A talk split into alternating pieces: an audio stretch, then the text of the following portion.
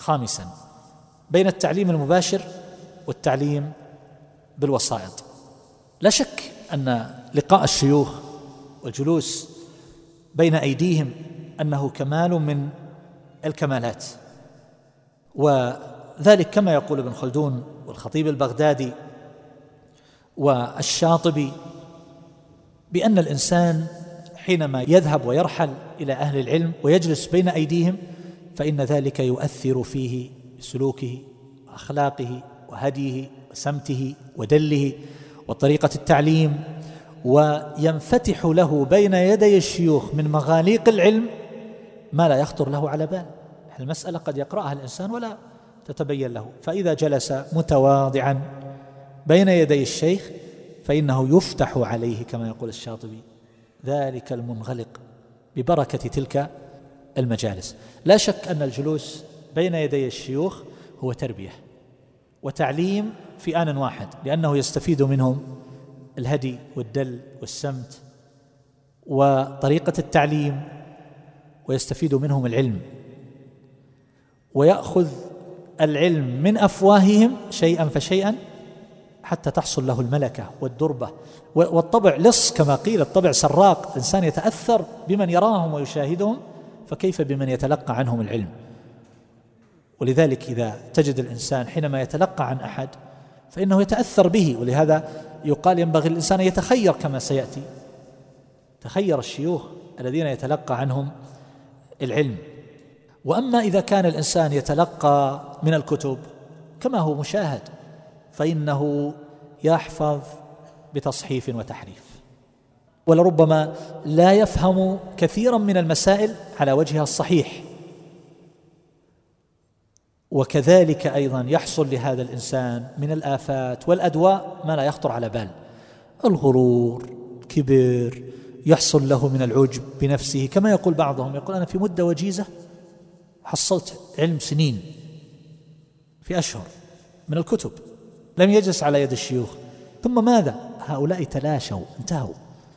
أنا أحدثكم عن سنين يمر بها جموع من طلبة العلم وترى أشياء وغرائب وعجائب وآفات لكن هؤلاء تجد الواحد منهم لربما معجبا بما حصله وما حفظه وما درسه وما قرأه ثم ما يلبث أن يتلاشى ذلك جميعا.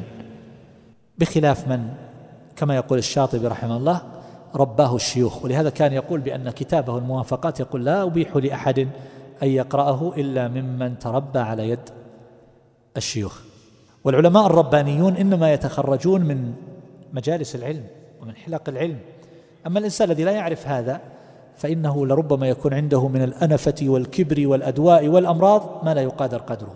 فإذا جاء طالب يرد عليه أثناء الدرس في مدرسة أو في كلية أو نحو ذلك يرد عليه خطأ أو يصحح له وهما أو نحو ذلك فلا تسأل عن ضجره وغضبه وحاله وتغيره.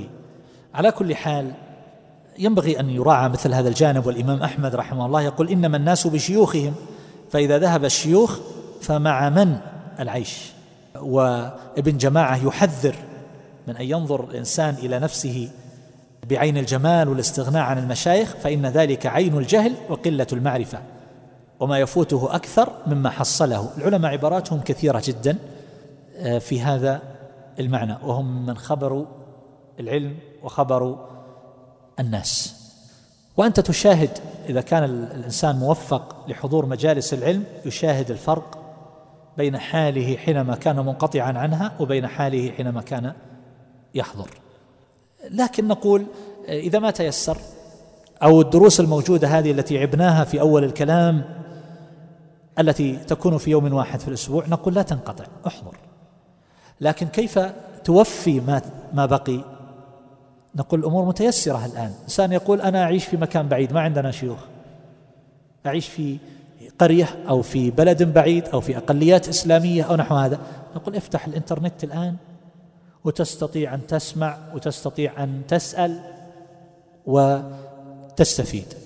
فنقول للإنسان الذي لا يتيسر له الجلوس على يد الشيوخ أو توجد دروس قليلة يوم في الأسبوع. نقول احضر هذا اليوم واسمع الأشرطة. توجد الآن أشرطة السيديات هذه ميراث الأنبياء. وهي رخيصة. في السيدي نحو ما يقرب من سبعين أو ثمانين ساعة صوتية بخمسة ريالات. وبعضها بريال. هذه سجلت وتعب في تسجيلها. يمكن الإنسان يجعل لنفسه برنامجا. هذا الشيخ من وين يشرح؟ يشرح من الطهارة. متى سيصل إن شاء الله في يوم الأسبوع للمعاملات؟ إن شاء الله سيصل بعد ثلاثين سنة على طريقة هذه. أنا من الآن أبدأ في المعاملات كل يوم على هالأشرطة ودفتر للفقه.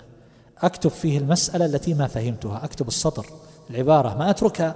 أقول صفحة كذا. لا لا أكتبها وسجلها وأترك فراغا للجواب. وهكذا. أجمع. درست في المصطلح. هذا المصطلح ما وجدت من يدرسني الآن. ابدأ. في هذه الأشرطة. شرح البيقونية شرح النخبة شرح كذا وسجل هذه الأسئلة.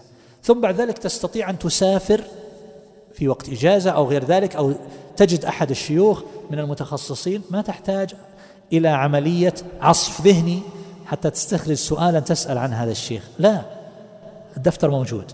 تستخرج هذا الدفتر وتسأل وتكتب الجواب. يمكن أن تخصص وقتا لك مع هذا الشيخ. المشايخ يأتون للدورات العلمية. قل أريد منك بعض الوقت بعد الفجر بعد العصر الوقت اللي تختار. ثم تذهب إليه وتطرح عليه هذه الأسئلة. ويمكن أن تحضر معك الكتاب. وهكذا. فيستطيع الإنسان أن يحصل بهذه الطريقة بإذن الله عز وجل ويسأل عما أشكل عليه.